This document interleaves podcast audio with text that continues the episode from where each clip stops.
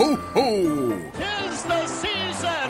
Fa la la la la la la Fontaine! We have fun with Santa, but we should always remember 25th, baby Jesus born. Så er det klart for å åpne luke to i vår kalender, og der finner vi en historie om Ottawa Senators og deres første sesong i NHL, nærmere bestemt 92-93-sesongen. Det ferske laget starta sesongen med én seier i sin første kamp, men fulgte det opp med ti tap på rad og 22 kamper uten seier. I en av sesongens første kamper møtte det ferske laget, som hovedsakelig besto av rollespillere og andre lags vrakgods, Stanley Cup-mester Pittsburgh Penguins med Lemieux og Jager i spissen.